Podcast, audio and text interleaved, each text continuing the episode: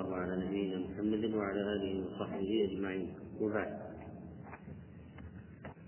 ففي كتاب بلوغ المرام من أدلة الأحكام قال الحافظ بن حجر العسقلاني رحمه الله تعالى وعن أيوب السختياني الأنصاري رضي الله رضي الله عنه قال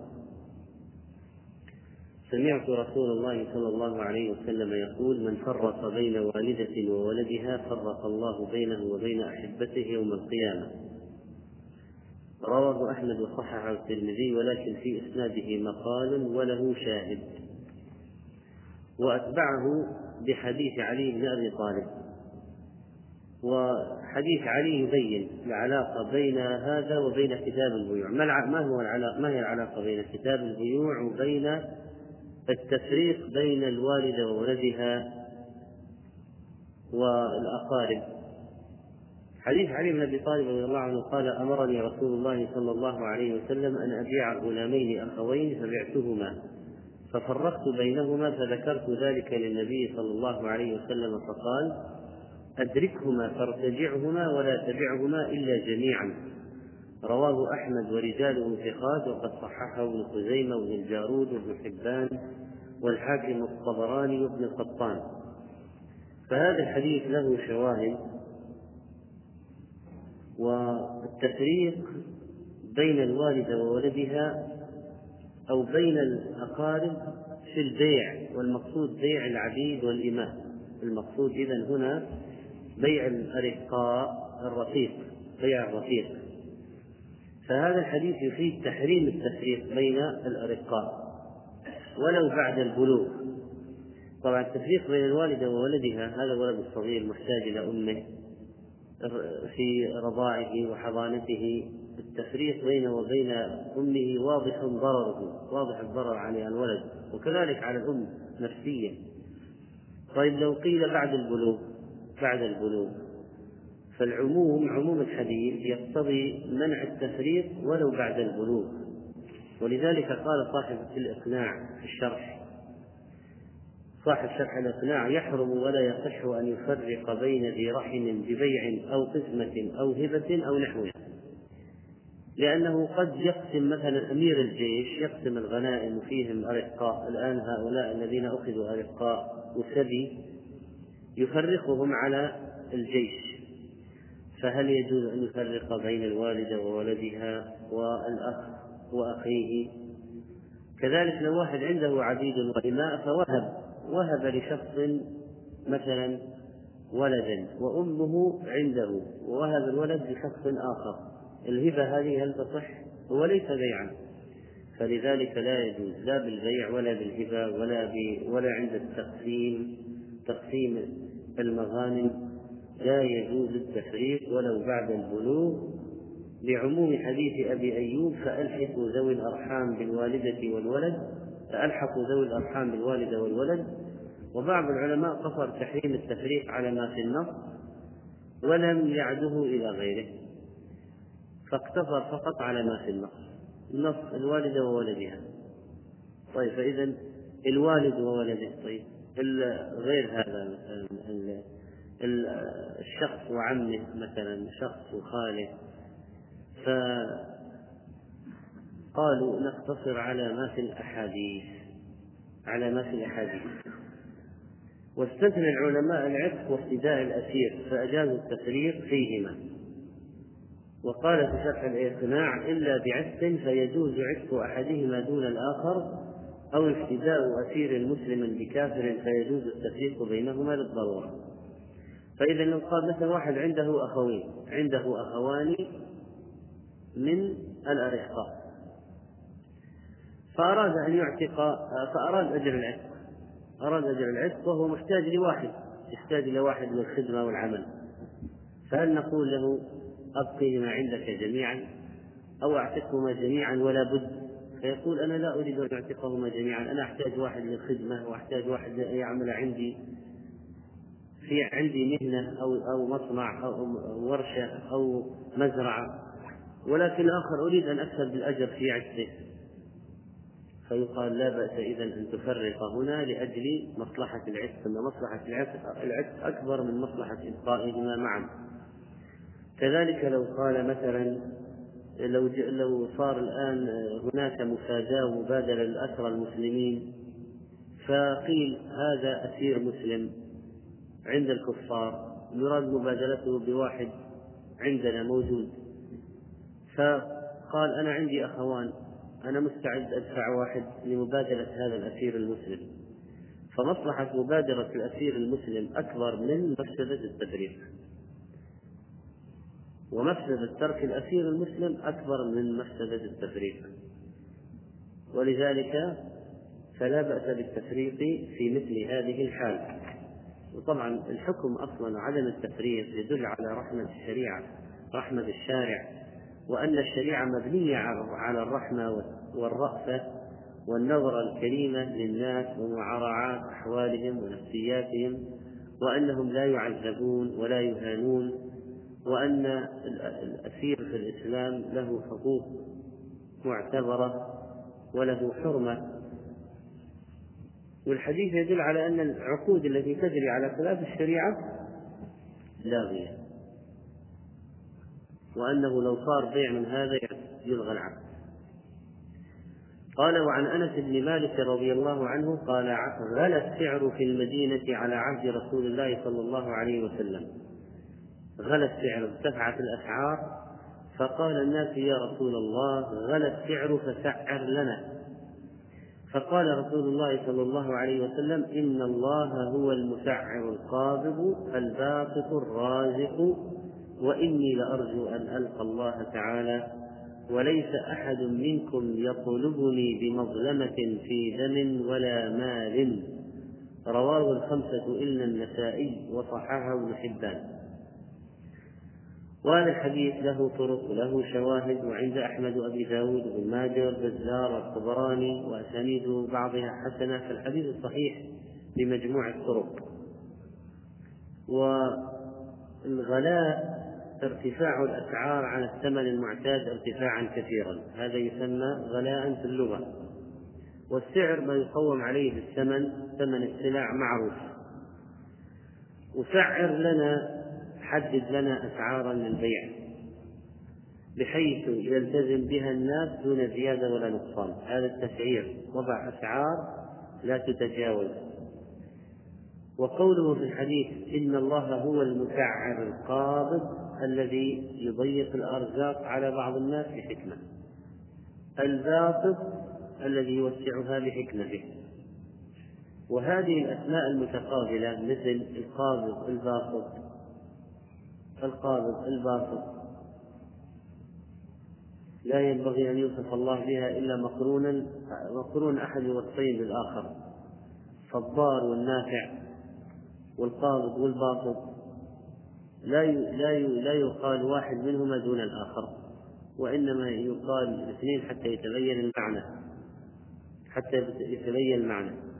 ولذلك لا يسوغ أن يقال عبد القابض عبد الضار مثلا. لا لا لا يسوغ هذا. وإذا أردنا وصف الله بواحد أتينا بالآخر لأن الواحد وحده الاسم هذا وحده لا يعطي المعنى كاملا. لا يعطيه كاملا إلا باقترانه بالاسم الآخر. فهذه من من الضوابط في مسألة الأسماء والصفات أن مثل هذه الأسماء والصفات لا تقال عن الله إلا والواحد مقترن بالآخر. وأما بالنسبة لما دل عليه الحديث فقد زادت الأسعار في المدينة ذات مرة على عهد النبي صلى الله عليه وسلم وصار غلاء ارتفعت الأسعار ولعل ذلك لقلة الأمطار والقحط وانقطاع الطرق التي كانت توصل بها البضائع بين المدينة والشام ما نقلت أغذية في هذه المدة فارتفعت أسعار الموجودة في الغلاء وهذا معروف يحدث في الحروب وفي غيرها يحدث هناك غلاء وارتفاع أسعار السلع. وبالذات السلع الغذائية التي يحتاجها الناس. فجاء الناس إلى رسول الله صلى الله عليه وسلم يشتكون يقولون غلت الأسعار جدا نطلب منك أن تتدخل باعتبارك الحاكم أن تتدخل وأن تجعل للتجار سعرا معينا وربحا معينا يربحونه. تضع سعر معين لا يزيدون عليه. فالنبي عليه الصلاة والسلام رفض ذلك وأرجع الأمور إلى أصلها. أن الله هو المتصرف وهو القابض الذي يقبض على عباده ويقبض عليهم ويضيق عليهم إذا شاء لحكمة وهو الذي يوسع إذا أراد أن يوسع وسع عليهم لحكمة سبحانه وتعالى. حكمته اقتضت هذا. وأن التسعير تحكم في البائعين والأصل أن البائع يبيع بما أراد هو السلعة سلعته السلعة سلعته فيجوز أن يبيع بما شاء.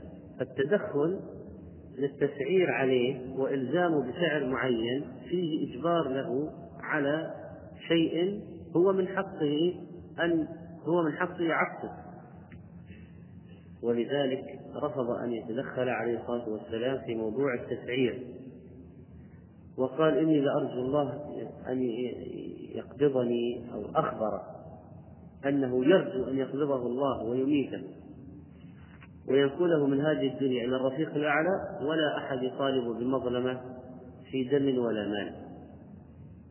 وهذا يدل على ورع الحاكم وأنه ينبغي عليه أن يحذر من ظلم الناس وأن يكون على غاية الانتباه أن يعتدي على أحد أو يظلم أحد أو يتحكم في أحد بطريقة غير جائزة فيتحكم فيه مثلا يلزمه بأشياء غير ملزمة لا يلزمه الشرع بها وبالتالي يكون ظلمه. الحاكم طبعا إذا ظلم فإن الظلم يشمل ليس واحد ولا اثنين. الآلاف والملايين من الناس لأنه يكون كالقانون العام. فلذلك يجب الانتباه جدا في وضع القوانين هذه التي يلزم بها الناس لأنه إذا كان فيها ظلم فإنه يكون يوم القيامة إذا جاء تعلق هؤلاء الملايين كلهم برقبته ويقول ظلمتنا وجعلت علينا قانونا ظلمتنا نريد حقنا منك. نريد حقنا منك. وهنا من أين سيعطيهم؟ سيكون من أشد المفلسين لكثرة المطالبات وخصوصا إذا كان ليس ذا صلاح ودين وعمله الصالح قليل. فمن أين سيعطيهم؟ وفي هذا الحديث إذا تعظيم ظلم الناس في دمائهم وأموالهم وعظم خطر ذلك يوم القيامة وأن الأصل لا يسعر للناس إسعار يتركون يبيعون كيف يشاءون. يترك السوق حرا. هذا النظام الإسلامي أصلا. يترك السوق حرا.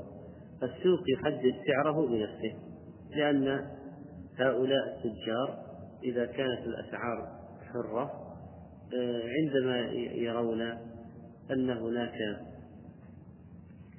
انفتاح وحرية. كل واحد يبيع بما شاء سيذهب الناس إلى الأرخص. فعند ذلك السوق يحدد سعره لنفسه. هذا هو الأصل.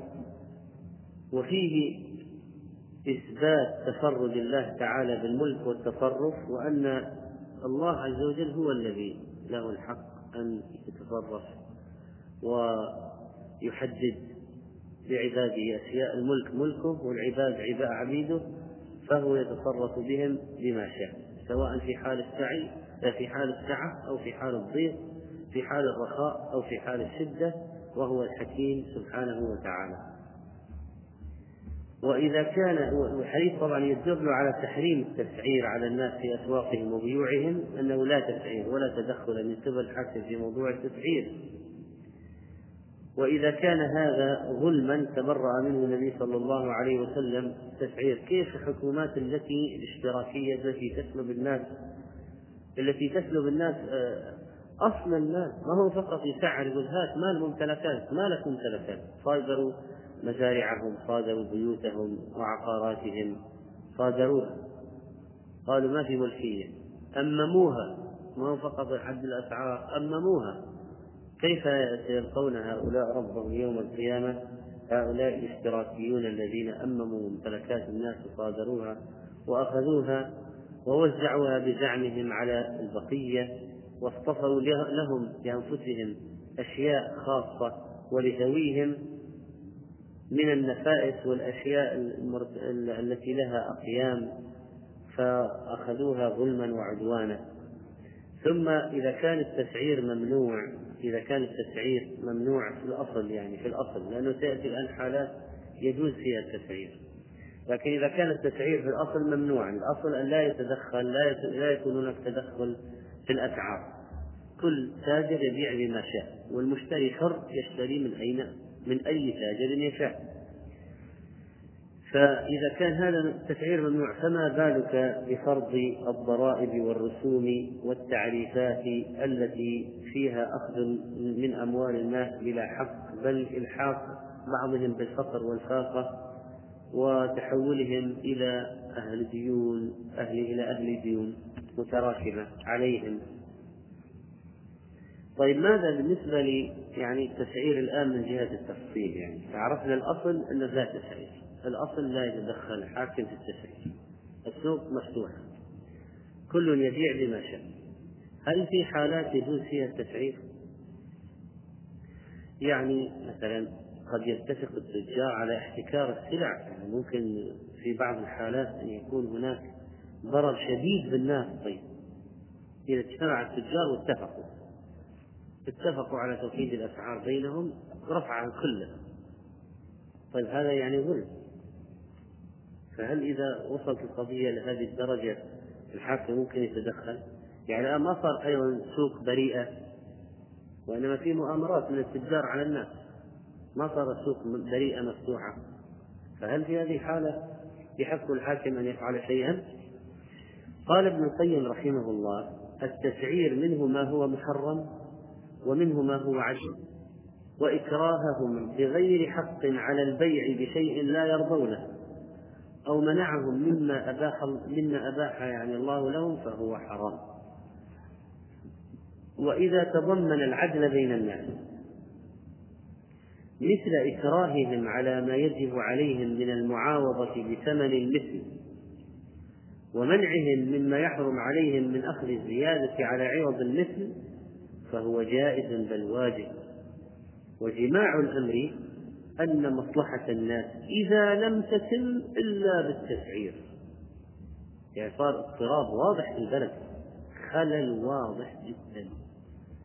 مثل مؤامرة بين التجار. سلع أساسية كالمواد الغذائية يملكها ناس معينين من التجار قلة في البلد اجتمعوا تآمروا ورفعوا الأسعار اتفاقية بينهم وصار ليس بإمكان الفقير أن يشتري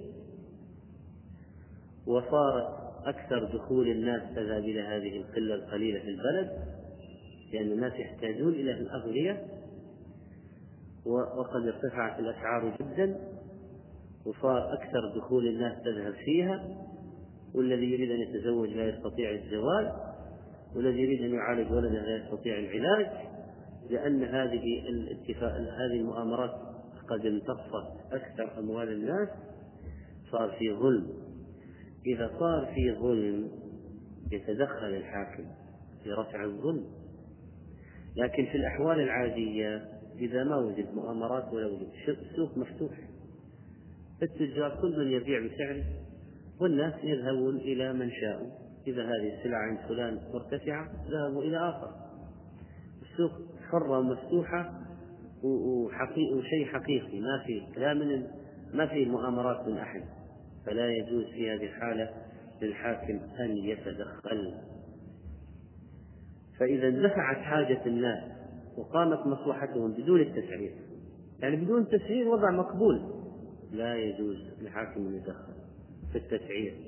قال الشيخ محمد بن إبراهيم رحمه الله الذي يظهر لنا وتطمئن إليه نفوسنا ما ذكره ابن القيم من أن التسعير منه ما هو ظلم ومنه ما هو عدل جائز. فإذا تضمن ظلم الناس وإكراههم بغير حق على البيع بثمن لا يرضونه أو منعهم مما أباح الله له فهو حرام.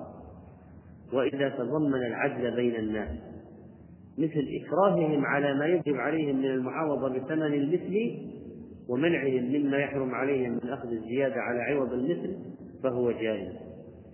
يعني سيأتي الآن على المسألة هذه في قضية الاحتكار. يعني لو واحد لو التجار هؤلاء القلة احتكروا السلع وأغلقوا المخازن أغلقوا المخازن ومنعوا السلع من السوق حتى يضطر الناس للبحث عنها بجهد جهيد وشدة عند ذلك يبدأ ينزلها بالقطارة بأسعار مرتفعة. طيب افرض أن الناس صار في مجاعة في البلد. ممكن مجاعة البلد فيه مجاعة. ممكن. والسلع موجودة عند التجار في المخازن مغلق عليها. مغلق عليها. يرفضون البيع للناس والناس يموتون في الشوارع. ممكن الآن تؤخذ البضاعة بثمن المثل. تفتح المخازن للناس يسجل على كل واحد ما أخذ وإذا انتهت الأزمة كل واحد يرد للتاجر مثل ما أخذ أو يعطي ثمن المثل أخذ كيس رز يرجع كيس رز. ما عنده يرجع الثمن. هذه حالات الاضطرار لها وضع خاص. لكن الشاهد أن هناك أن هناك معاوضات أحيانا بثمن المثل مفروض تفرض تفرض على التجار. فالتسعير جائز بشرطين أحدهما أن يكون التسعير فيما حاجته عامة لجميع الناس مثل المواد الغذائية الأساسية. أما يعني ثريات نجف هذه ليست مما تتعلق به حاجة الناس الأساسية. ثانيا أن يكون الغلاء لقلة العرض أو كثرة الطلب. فمتى تحقق فيه الشرطان كان عدلا وضربا من ضروب رعاية المصلحة العامة كتسعير اللحوم والخبز والأدوية ونحو هذه الأمور. في سلع معينة في هذه الحالة يجوز فيها التدخل للتسعير كاللحوم والأدوية والخبز والرز حبوب نعم. أما السجاد والنجف وغيرها من الأشياء فهذه لا يمكن أن يقال لكم أن تفاعلوا فيها. وقد ناقش المجمع الفقهي موضوع تحديد أرباح التجار موضوع تحديد أرباح التجار وقرر أولا الأصل الذي تقرره النصوص والقواعد الشرعية ترك الناس أحرارا في بيعهم وشرائهم وتصرفهم في ممتلكاتهم وأموالهم في إطار أحكام الشريعة الإسلامية عملا بقوله تعالى يا أيها الذين آمنوا لا تأكلوا أموالكم بينكم بالباطل إلا أن تكون تجارة عن تراض منكم. وثانيا ليس هناك تحديد بنسبة معينة للربح يتقيد بها التجار في معاملاتهم بل ذلك متروك لظروف التجارة وظروف التاجر والسلع مع مراعاة ما تقضي به الآداب الشرعية من الرفق والقناعة والسماحة والتيسير.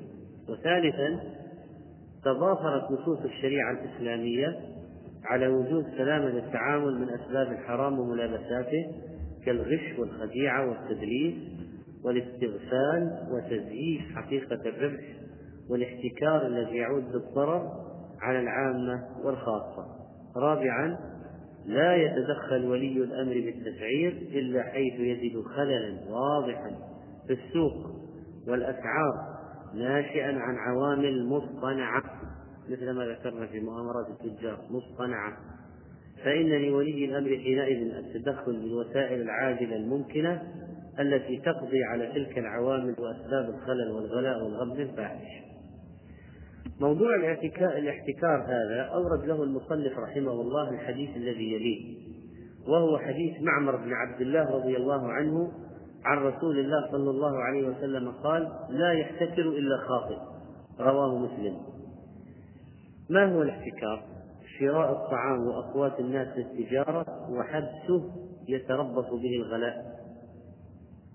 فإذا الواحد يكون يشتري يشتري الأشياء التي في السوق يخزنها عنده يتربص أن يحدث أزمة في البلد لكي يطرح السلع بالسعر المرتفع جدا. هذا الإنسان يتآمر ويفعل هذه هذا الشيء بتخطيط وعن عمد بسبب إصرار ويترصد يترصد للغلاء لكي والأزمة يترصد الأزمة لكي يطرح ما عنده أعلى الأسعار. استغلال حاجة الناس استغلال حاجة المسلمين أمر سيء. الواحد يأتي في الأزمة ليعمل مثل هذه الأعمال. هو لا يرضى أن يفعل به ذلك. فكيف يحب كيف يفعل للناس ما لا يحبه لنفسه ما لا يحب أن يفعل معه؟ وقوله لا يحتكر إلا خاطئ وكلمة خاطئ هنا المقصود الخطأ التام المأخوذ به الإنسان وليس الخطأ الذي هو لا تؤاخذنا إن نسينا وأخطأنا وإنما المقصود الخطأ الخطيئة والظلم أنه ظلم وخطيئة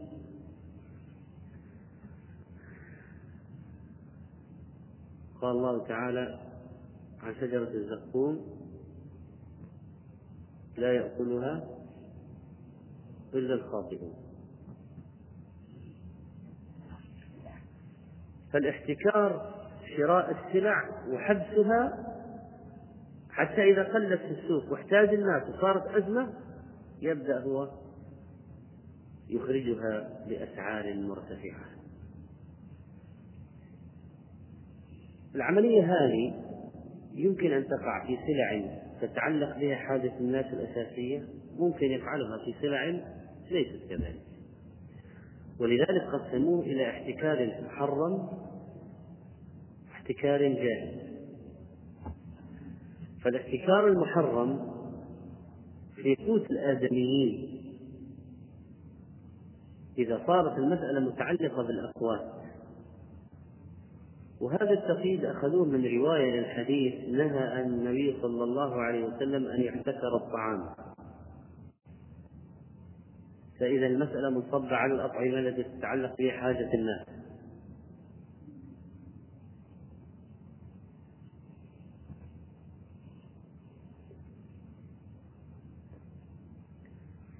فعند ذلك يكون فاعله عاصم آثم مرتكب للخطيئة.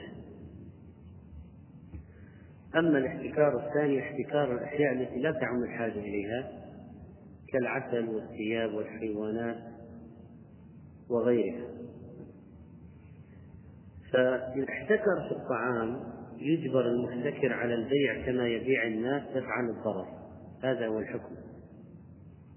فإن أبى أن يبيع ما احتكره من الطعام قال أنا أنا غير مستعجل. أنا غير مستعجل. لا لماذا تلزموني بالليل؟ أنا لا أريد أن أبيع الآن. أنا حر. أبيع بعد ستة أشهر. أبيع بعد سنة. أنا والناس في أمس الحاجة للسلعة التي عنده. وربما يموت بعضهم من الجوع. فنجبره أن يبيع كما يبيع الناس. فإن أبى وخيف على الناس الموت والهلاك والتلف فرقه الإمام على المحتاجين يردون مثله عند زوال الحاجة. يقال افتح المستودع رغما عنك. يا أيها الناس من أراد المحتاج المحتاج من أراد أن يأخذ يأخذ ونسجله دينا عليه. ثم يرد قيمته أو مثله. وهذه قيمة المثل مسألة معتبرة في الشريعة. قيمة المثل. قال شيخ الإسلام ابن تيمية عوض المثل كثير الدوران في كلام العلماء لأن له حالات كثيرة عوض المثل. وهو أمر لا بد منه في العدل الذي تتم به تتم مصلحة الدنيا والآخرة. فهو من أركان الشريعة فقيمة المثل وأجرة المثل ومهر المثل هذه أشياء لها عدة مسائل في الشريعة. فيقال مثلا أتلفت شيئا؟ أعطي مثله. أقول ما عند ما ما, ما وجدت السوق مثل اللي أنا أتلفت ما وجدت. سلعة بيعت من زمان وانتهت من السوق. نقول لابد أن يعوض. طيب كيف يعوض؟ نقول قيمة المثل. طيب. واحد عمل له شيئا. وصار اختلفوا في الأجرة. وما حددوا الأجرة من قبل. قبل الاتفاق قبل العمل ما حددوا أجرة. فاختلفوا فيقال لك يا أيها الصانع أو العامل لك أجرة المثل. فننظر مثلك في السوق. كم يعمل هذا العمل؟ هذا الحفر هذا البناء هذه الإزالة هذا الإصلاح للخراب مثلك يعمله بكم. يعطى أجرة المثل حل المشكلة. امرأة ما سمي لها مهر ما سمي لها مهر. تزوجها بعقد شرعي ولم يسمي المهر. ثم صار خلاف. دخل بها وطلقها. قالت مهري ما استلمت ولا ريال. قال ما حددنا لك شيء. إيش يعني ما حددنا لك شيء؟ يعني الآن خلاص يعني يضيع مهرها؟ فيقال مهر المثل. في مثل سنها وجمالها وطبقتها الاجتماعية وشهادتها وإلى آخره كم مهر مثلها هذه؟ مهر المثل. فإذا قيمة المثل وأجرة المثل ومهر المثل هذا يقول كشيخ الإسلام كثير الدوران في كلام العلماء وهو أمر لا بد منه في العدل الذي تتم به مصلحة الدنيا والآخرة. هناك عقود فاسدة يجب فيها الضمان. مثلا قال وهو متفق عليه بين المسلمين بل وبين أهل الأرض وهو معنى القسط الذي أرسل الله به الرسل وأنزل فيه الكتب وهو مقابلة الحسنة بمثلها والسيئة بمثلها وهو مثل المسمى العرف والعادة. فالمسمى في العقود نوعان. نوع اعتاده الناس وعرفوه فهو العوض المعروف المعتاد. ونوع نادر لفرط رغبة أو مضرة أو غيرهما ويقال فيه ثمن المثل. فالأصل فيه اختيار الآدميين وإرادتهم ورغبتهم طيب. انتقل المصنف بعد ذلك إلى قضية الغش في السلع وبيع الغنم حيث أن هناك بعض الأحيان يبيع بعض الناس الشاة وهي حاف لا يحلبها مدة حتى يجتمع هذا اللبن في ثديها فينتفخ. ويأتي المشتري فيظن هذه الشاة كل يوم مثل هذا. كل يوم تدر ويمتلئ ضرعها هذا الامتلاء. والحقيقة أن هذا ليومين وثلاثة ما حلبها عمدا حتى ينتفخ الثدي. فيظن المشتري أن هذه الشاة كل يوم تكنز وتجمع مثل هذا اللبن في الثدي. فيرفع السعر. فيدفع هذا لأنه يقول إذا كل يوم تجيب مثل هذا اللبن الكمية هذه شاة مربحة جيدة. ثم إذا حلبه احتراه حلبه ضمر الثدي ما امتلأ.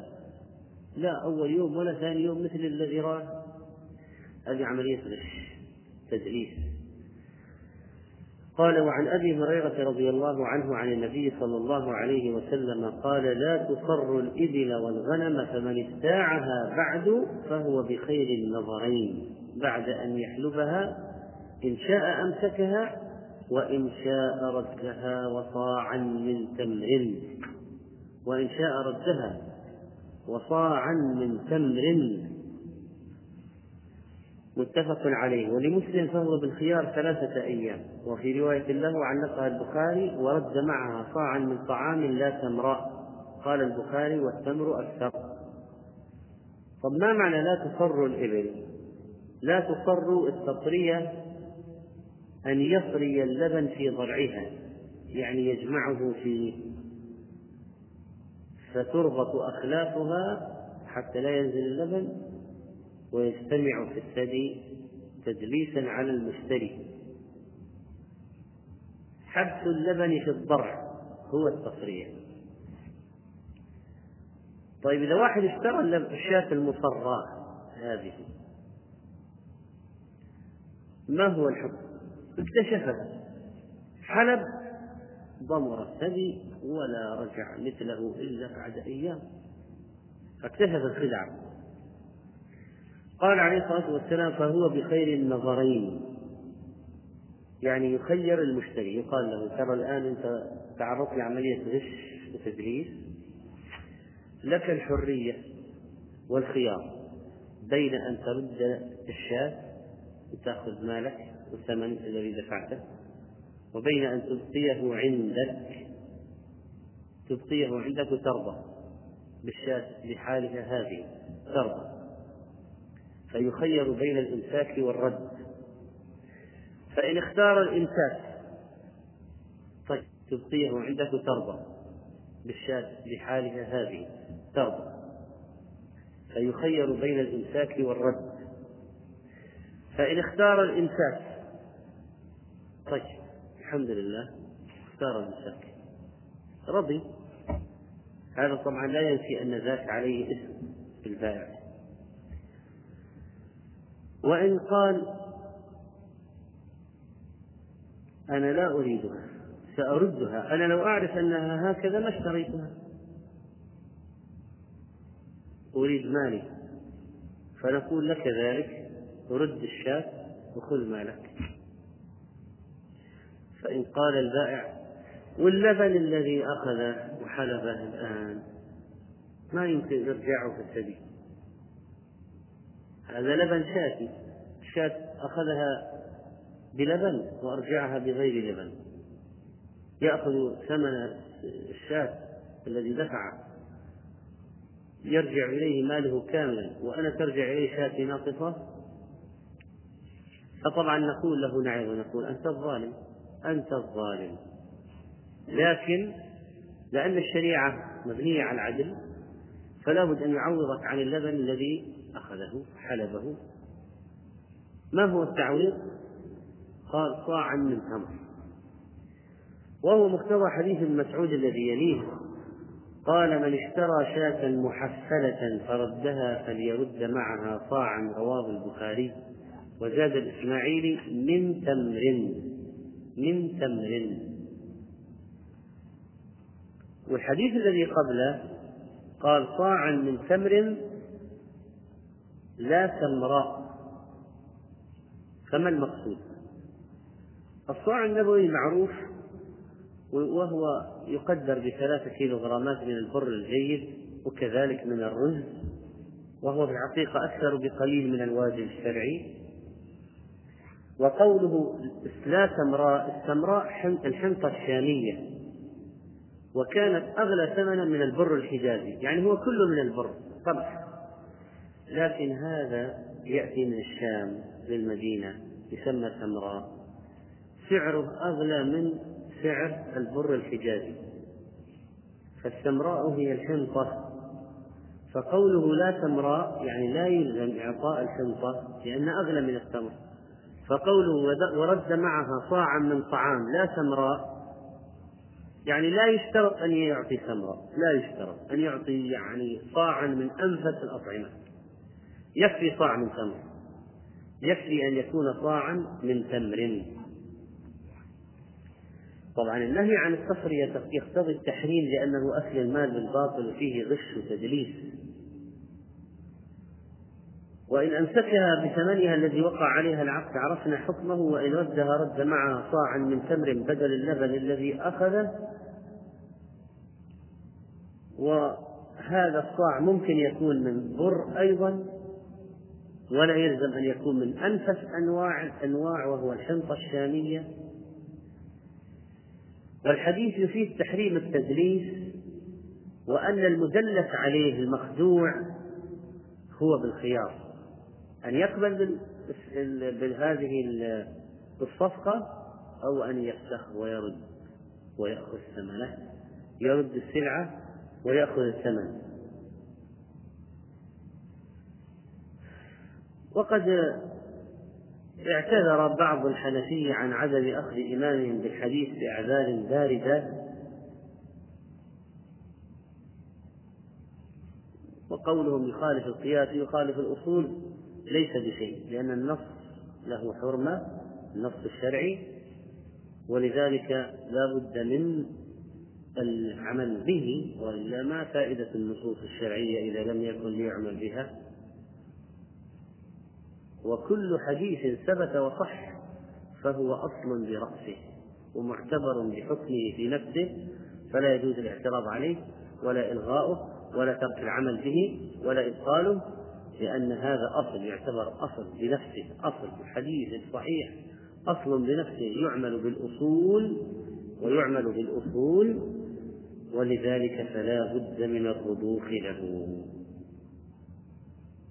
طيب البائع ما ما حكوا نقول البائع الآن ما له خيار. البائع يرضى بما يختار المشتري. إذا المشتري اختار الإمساك يسقط البائع. المشتري اختار الرد يقبل البائع. البائع ليس له خيار. من القصص المشهورة في عمليات في الغش الذي حصل في الغش القصص المشهورة عن النبي صلى الله عليه وسلم قصة صاحب صبرة صبرة الطعام. والحديث رواه أبو هريرة رضي الله عنه أن رسول الله صلى الله عليه وسلم مر على صبرة من طعام فأدخل يده فيها فنالت أصابعه بللا. فقال ما هذا يا صاحب الطعام؟ قال أصابته السماء يا رسول الله. قال أفلا جعلته فوق الطعام كي يراه الناس؟ من غش فليس مني. رواه رواه مسلم. ما هي الصبرة؟ الكوم من الطعام وغيره. سميت صبرة لأن بعضها يفرغ على بعض يكون بعضها فوق بعض. صارت كومة صبرة من طعام. مر النبي عليه الصلاة والسلام على صبرة من طعام فأدخل يده فيها إلى الأسفل تحت فنالت أصابعه بللا وندى ورطوبة فقال ما هذا يا صاحب الطعام؟ تجعل الجاف فوق والرطب تحت الذي أصابه الماء؟ ما هذا؟ قال أصابته السماء يا رسول الله. يعني مطر نازل من السماء البلد. قال أفلا جعلته فوق الطعام كي يراه الناس؟ يروا هذا المشبع الطعام بالماء أو الذي أصابته الماء أصابه الماء وربما حدث فيه تغير أو حدث فيه تلف. أعطونا مثال على أشياء من الأطعمة إذا أصابها الماء أو من الثمار أو من المأكولات يعني إذا أصابها الماء يتلفها أو تنقص قيمتها مثل إيش؟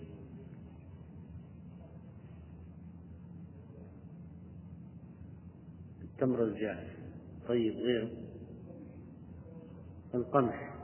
إذا أصابه الماء ماذا يحدث له؟ ينفس بعدين. يعني ما وجه النقص.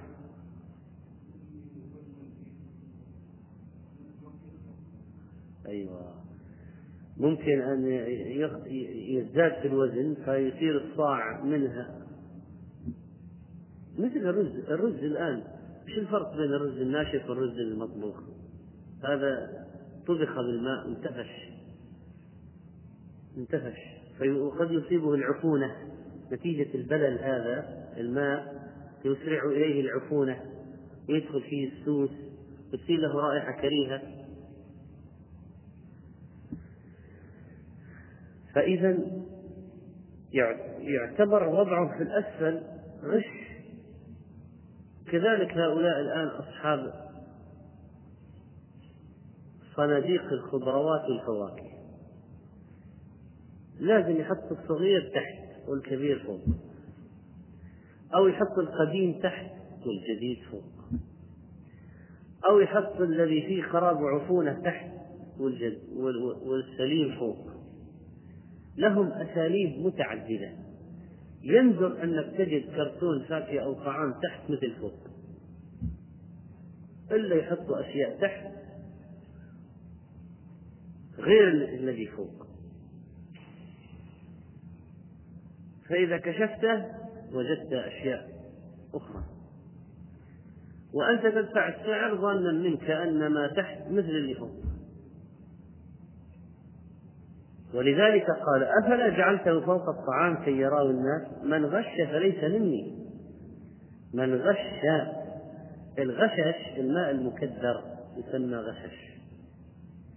والغش عكس النصح والغش ينطوي على غدر وخديعة. والجمع غشاء وجمعه غششة. غششة. وهذا الذي يقوم بالعمل غاش وصيغة المبالغة غشاش. وهؤلاء الغاشون والغشاشون والغششة منتشرون في المجتمع. والحديث فيه وعيد. قال من غش فليس مني لا على طريقتي ولا اهتدى بهدي ولا وافق سنتي بل خرج عنها. وهذا الغش محرم في كل البيوع والمعاملات. يعني ممكن يحدث في النكاح غش. يخرجون له أختها عند الخطبة. يمكن تكون أجمل منها أطول منها أبيض منها. وإذا جاء للعقد أظهروا أتوا أتوا بالأخرى وهو وافق على أساس أنها تلك. غش. غش.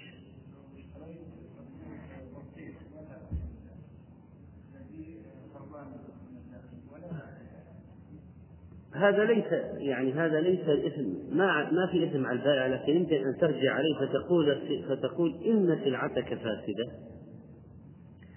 فممكن يعاد بخيار العيب يعاد بخيار العيب يرد البائع بخيار مش بالغش وإنما من باب آخر. لا لا يجب عليه رده بالغش ما غش. هو مثل ما اشترى مثل ما باع لكن ممكن يعاد عليه بباب من باب آخر وهو خيار الرد بالعيب. أن المشتري له الحق إذا اكتشف السلعة معيبة أن يردها إذا اكتشف سلعة خربان أن يردها معطلة أن يردها جهاز معطل محرك معطل سيارة فيها خراب. هكذا يشتري بطيخا فيكون من الداخل فاسدا أو شيء فيه دود مثلا. اكتشف أن فيه هذه الآفة. إذا يجوز له الرد بخيار العيب أن يرده. البائع إذا ما كان يعلم ما عليه إثم لما باع لأنه ما يدري. لكن يجب عليه أن يعيد السلعة إذا عرف أنه باعه شيئا أنه باعه شيئا ثالثا أو فاسدا أو متعفنا فيلزمه أن يرد. يقول هات لا خذ المال. نعم.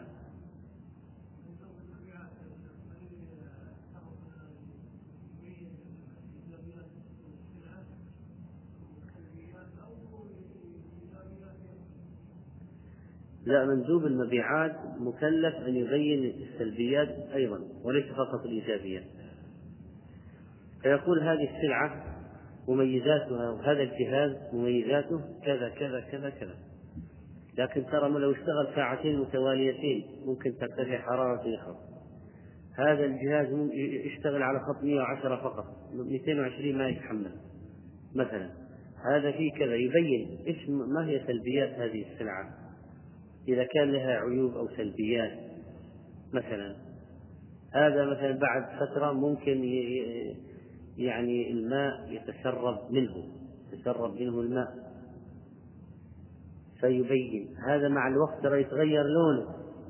ترى هذا الرخام مع الوقت ممكن يتغير لونه.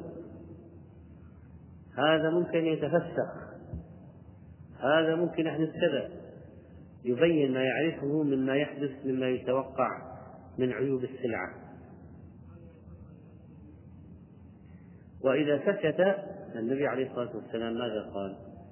البيعان بالخيار ما لم يتفرقا فإن صدقا وبينا بورك لهما ببيعهما وإن كتما وكذبا محقت بركة بيعهما فالكتمان هذا أن يسكت عما يعلمه في السلعة من العيوب أن يسكت لا يجوز له ذلك وهذا مما يبحث بركة البيع فيأخذ مالا بلا بركة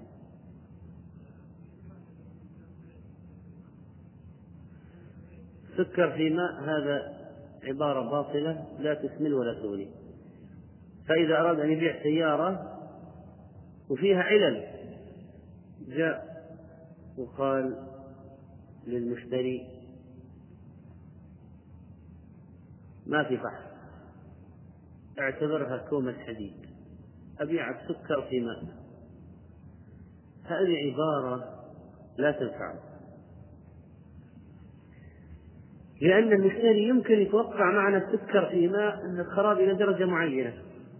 وإذا تطلع السكر في ماء ولا الملح في ماء يطلع فيها كذا وكذا وكذا وأشياء كثيرة فيها ما كان منتبه له. ولا متحسن. ولا يظن أنها تبلغ بهذا السوء. ولذلك لا تنفع مثل هذه العبارات أبيع السكر في ماء يعني أخليت مسؤوليتي. لا بد أن تبين السيارة ماذا يوجد فيها من العيوب.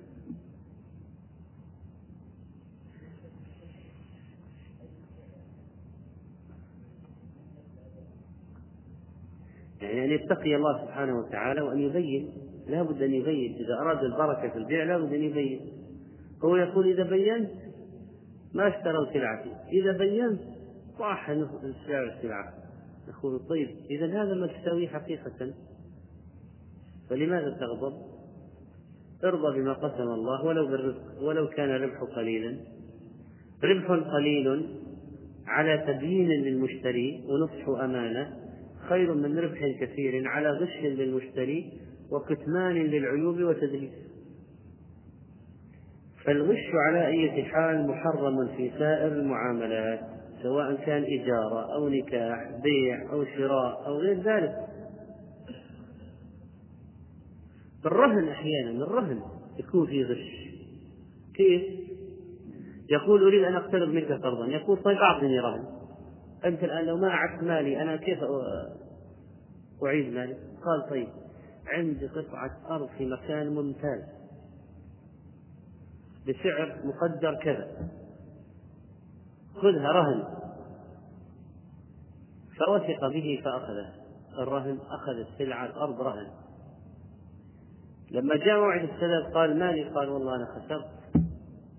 والمال راح والآن لا أستطيع أن أسدد شيئا. قال إذا ما رجعت فلوسي في الوقت المحدد سأبيع الرهن وآخذ حقي.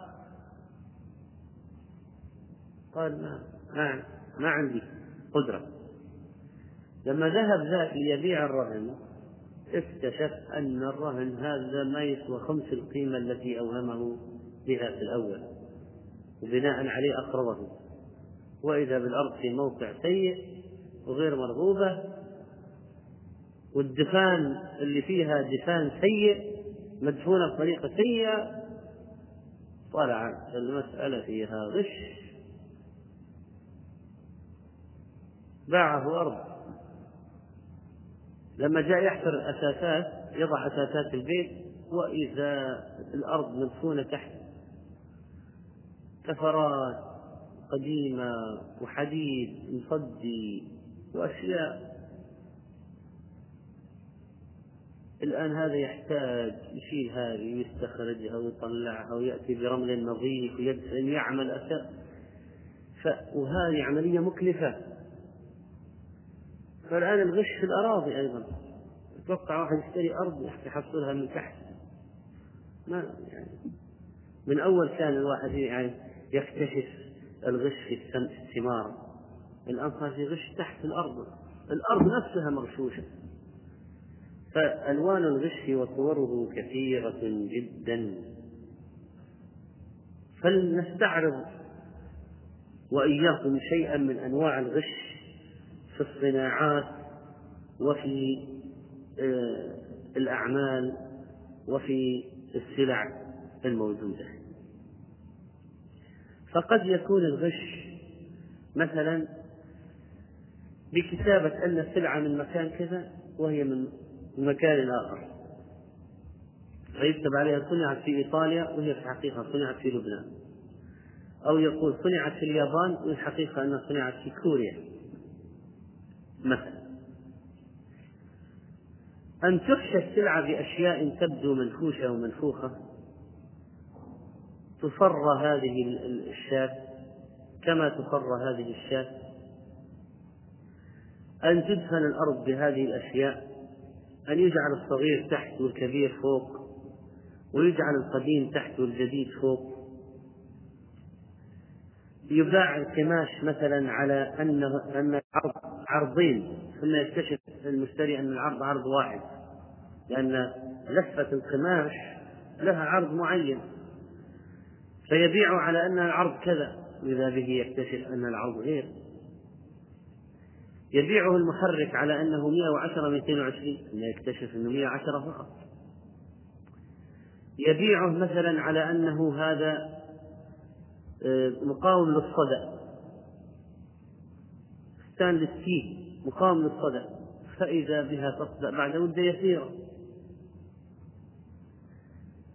ويبيعه مثلا هذه السلعة على أن البطاريات التي فيها تتحمل هذه سنتين ما تغير بعد شهر بعد نصف شهر إذا بها البطاريات صارت فارغة كيف؟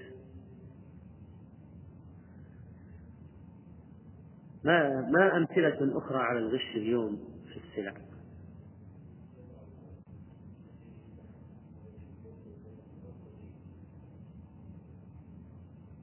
كيف؟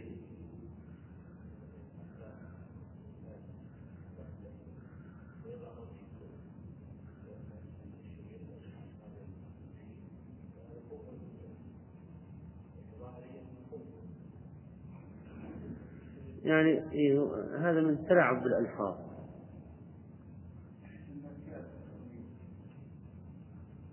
التقليد الأصلي طيب. غيره. أيوه.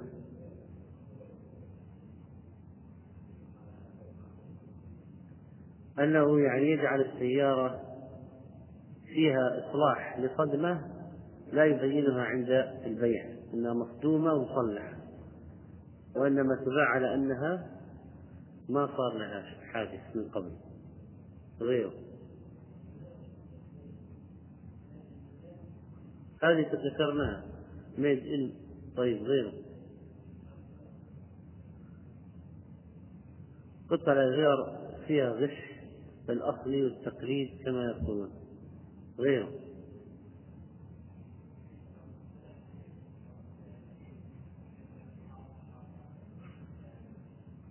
حرف يغير حرف في اسم السلعة لتشابه اسم سلعة أخرى اسما آخر معروف أجود.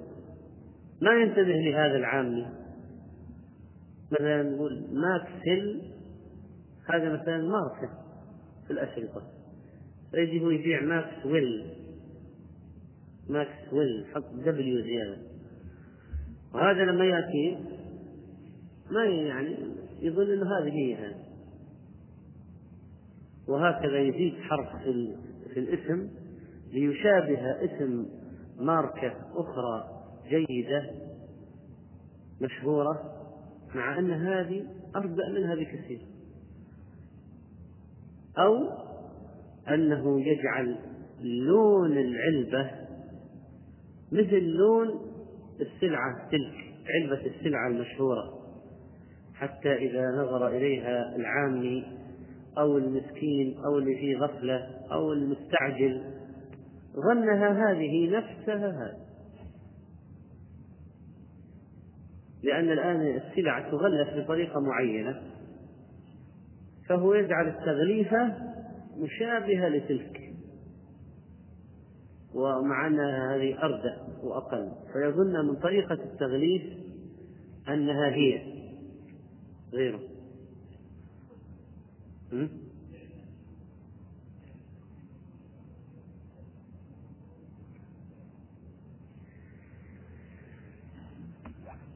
يعني أحيانا مثلا يقول آه، اجرينا لك التحاليل الفلانية ويكون العينات أخذت ورميت في الزبالة وحط من عنده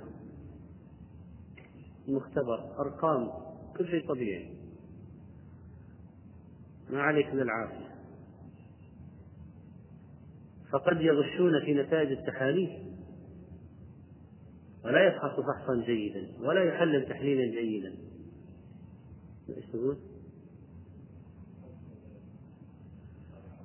أصحاب الحملات ممكن يعطي مواصفات يقول المخيم فيه كذا وكذا قريب من الجمرة. وإذا به في آخر الدنيا خارج منها على حدود منها. فممكن يكون يعني يكذب عليهم ويغشهم. في ذكر أشياء وصفات وخدمات غير موجودة. حافلات مكيفة مع سائقين مهرة وإذا بالحافلات مكيفة خربانة والسائق يحتاج إلى من يدله على الطريق.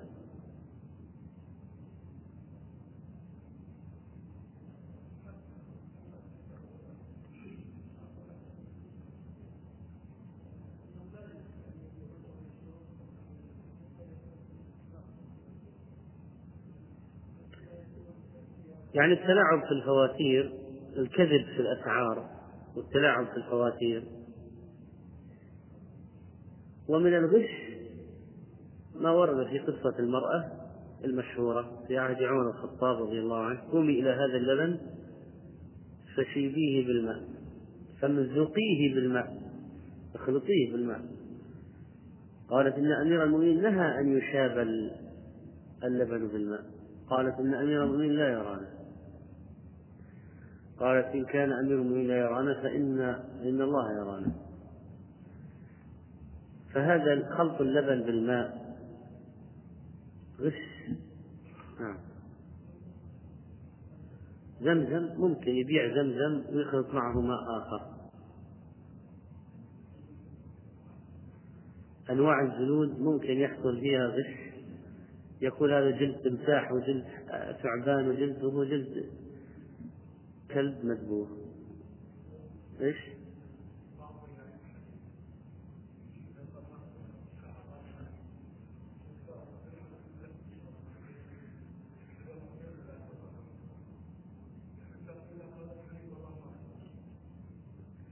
يعطي يعطي البقر إيش؟ مكعبات إيش؟ مكعبات ملح علشان يصير اللبن يعني لبن لبن البقر أو حليب البقر يعني أصلا أصلا ينزل مغشوش يعني. اي طبعا. يحط يحط برسي للنحل. فيطلع العسل هذا أزهار طبيعية. عسل ازهار الغابة. أصلا النحل في مناطق ما في ما في شيء اسمه غابة. حط برسي للنحل. فاذا فيه ممكن يعني نعم. في شيء كان آخر؟ إيش؟ يخلط الأغنام على أنها من النوع المعين وهي مثلا يأتي بنوع مثلا من الصين أو أستراليا لونه لون الجلد لون الرأس لون كذا فيه ألية تشابه نوعا آخر مرغوبا محليا مثلا ويقول هذا من البادية هذا أي بادية بادية التد. إيش تقول؟ مثلا يبيع المثلج؟ يبيع أن على أنه بلدي على أنه ثم هو مثلج. نعم. فالمهم صور الغش إذا كثيرة جدا. وحديث النبي صلى الله عليه وسلم من غش فليس مني. هذه عبارة جامعة بليغة تشمل أشياء كثيرة جدا من أنواع الغش الموجود. تشمل كل أنواع الغش الموجود في العالم. كل أنواع الغش الموجود في العالم. والغش قد يكون في الصناعات وقد يكون في الأعمال المهنية. مثل المقاول أحيانا تمر واحد ترى كيف يبنون البيوت؟ أحيانا بعض المقاولين يضع لك مع الخلطة رمل غير الرمل الذي المناسب لأن يتماسك مثلا هذا التلييف على الجدار. فبعد ما تسكن بيوم شهر شهرين إذا بهذه تتساقط. مثلا يتساقط الطلاء والهذا من الجدار ومن السقف. يضع مواد كهربائية مغشوشة. سرعان ما تحترق. مثلا ما تتحمل حرارة. يضع آه، في الجدار أحيانا يحشوه أو بأكياس الأكياس ورق الأكياس يجعل في الجدار. أو يقول عملت لك عازل وما في عازل. أو عازل كذا وهو عازل من نوع ثاني.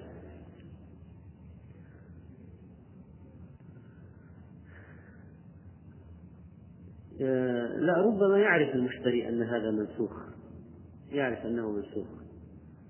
لكنه قد يدخل في الإضرار بالمنتج الأصلي الذي تعب عليه وهذه مسألة أخرى.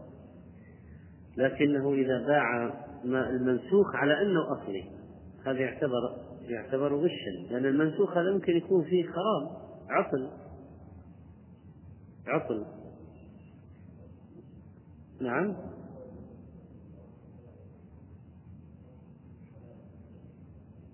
الذي يغش في الاختبارات ويحصل على شهادة ويتوظف في الشهادة وهو لا يدري عن.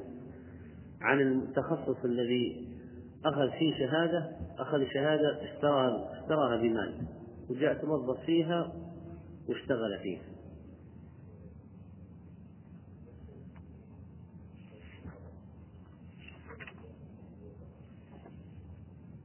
إيش؟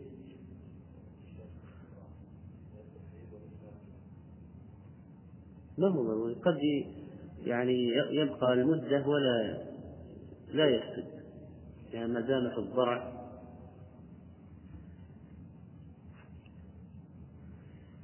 لكن العلة في هذا الانتفاخ الذي يظن أن كل يوم تخزن مثل هذه الكمية وتنتج مثل هذه الكمية إذا الغش ممكن يكون في الأعمال وفي الصناعات وفي المعاملات وفي الزواج والنكاح والإجارة والرهن. وفي الأعمال المهنية وفي العقود وكل ذلك محرم لا يجوز. وخيانة للمسلمين وظلم للنفس وظلم للغير وأكل للحرم هو إذا عرف أن الناقة مريضة عرف بين له أنها مريضة فرضي أن يشتريها. وهو ليس إنسانا مغفلا ولا ساذجا إنسان عاقل. لأن يعني بعض الناس يشتري ولكنه يغرر به بسهولة. يعني من سذاجته وخفة عقله. لماذا قال النبي عليه الصلاة والسلام الرجل الذي أصابته ضربة في رأسه؟ فصار يخدع في البيع. يعني أصاب تغير عقله فقال إذا بايعت فقل لا خلابة. يعني لا خداع. يذكر يعظ يعظ البائع الباعة أن لا يخدعه يقول انتبه لا تخدعني. أنا إنسان أخدع في البيع. قبل أن يحفظ العبارة هذه يروح يشتري من السوق يقول لا تخدعني لأن أن عندي ضعفا في العقل أو أو نقصا في الفهم فأخدع. إذا آه، إذا بين له وكان رجلا عاقلا ليس ساذجا ولا مغفلا بينت له الحقيقة أن هذه الشام الناقة مريضة. قال أنا أشتريها وهي مريضة وراضي بالمرض وعارف المرض يعرف المرض فاشتراها فإذا رضي بذلك ويعلم حالها فهي جائزة. جائز. أي جائز. أنه قد يقول أخذها أشتريها. فإذا سلمت بعتها بثمن مرتفع. وإذا ما سلمت أنا راض بالخسارة. فالآن هذه ما هي عملية حظ وعملية آه، مقامرة؟ لأنه يشتري شيئا معلوما معروفا حاله. معروف حاله. هذه شاة هذه مريضة. يقولون؟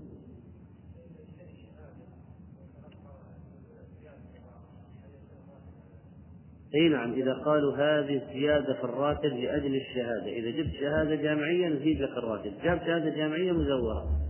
أخذ زيادة زيادة محرمة عليه ليست من حقه ويجب عليه أن يعود إليهم وأن يصارحهم ويصدقهم القول ويقول قبل الحقيقة ويتحمل كل ما يأتي يتحمل ما يأتي عليه من الأذى ولا يجوز أن يأخذ الزيادة المجعولة للشهادة لأن الشهادة وجودها كعدمها في هذه الحالة. نعم.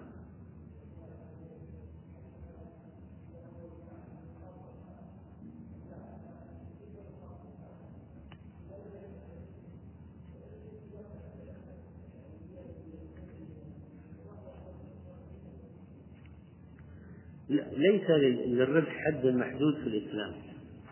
ليس للربح حد محدود. فيجوز أن يربح عشرة في المئة وخمسين في المئة ومئة في المئة. لا ما في حرج. يشتري أرض وبعدين يجيها شارع شوارع ومشروع وترتفع تقفز. أحيانا أراضي تقفز تقفز.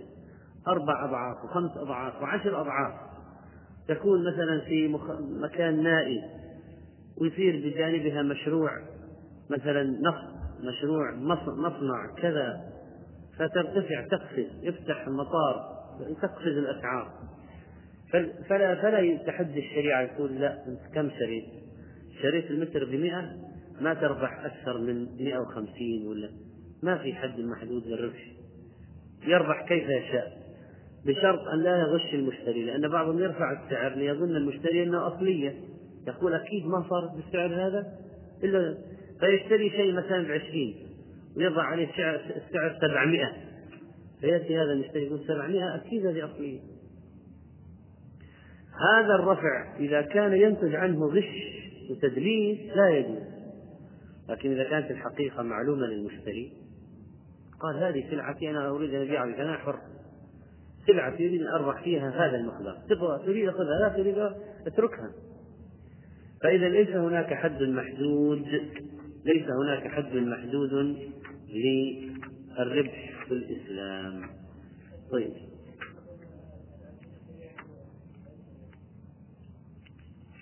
إذا صار البيان موجودا فلا لا مانع. ممكن تشتري سعر متر أرض بمتر مئة وبعد مدة تصبر عليها ويصير المتر بألف ممكن. هذا كثير يعني عند الناس يعني. كثير. اشتروا أراضي في مناطق ثم صارت مشاريع وأشياء وقامت أسواق وفتحت طرق وشوارع ومنشآت بجانبها وارتفعت الأسعار. اكتشف تحتها نقص. هذه فلذلك هذا رزق الله يعني هذا رزق الله. واحد اشترى شيء ما يدري إن تحته كنز ولا يدري إنه سيأتيه. رزق الله ساقه الله إليه. طيب نكتفي اذا بهذا القدر وصلى الله وسلم على نبينا محمد.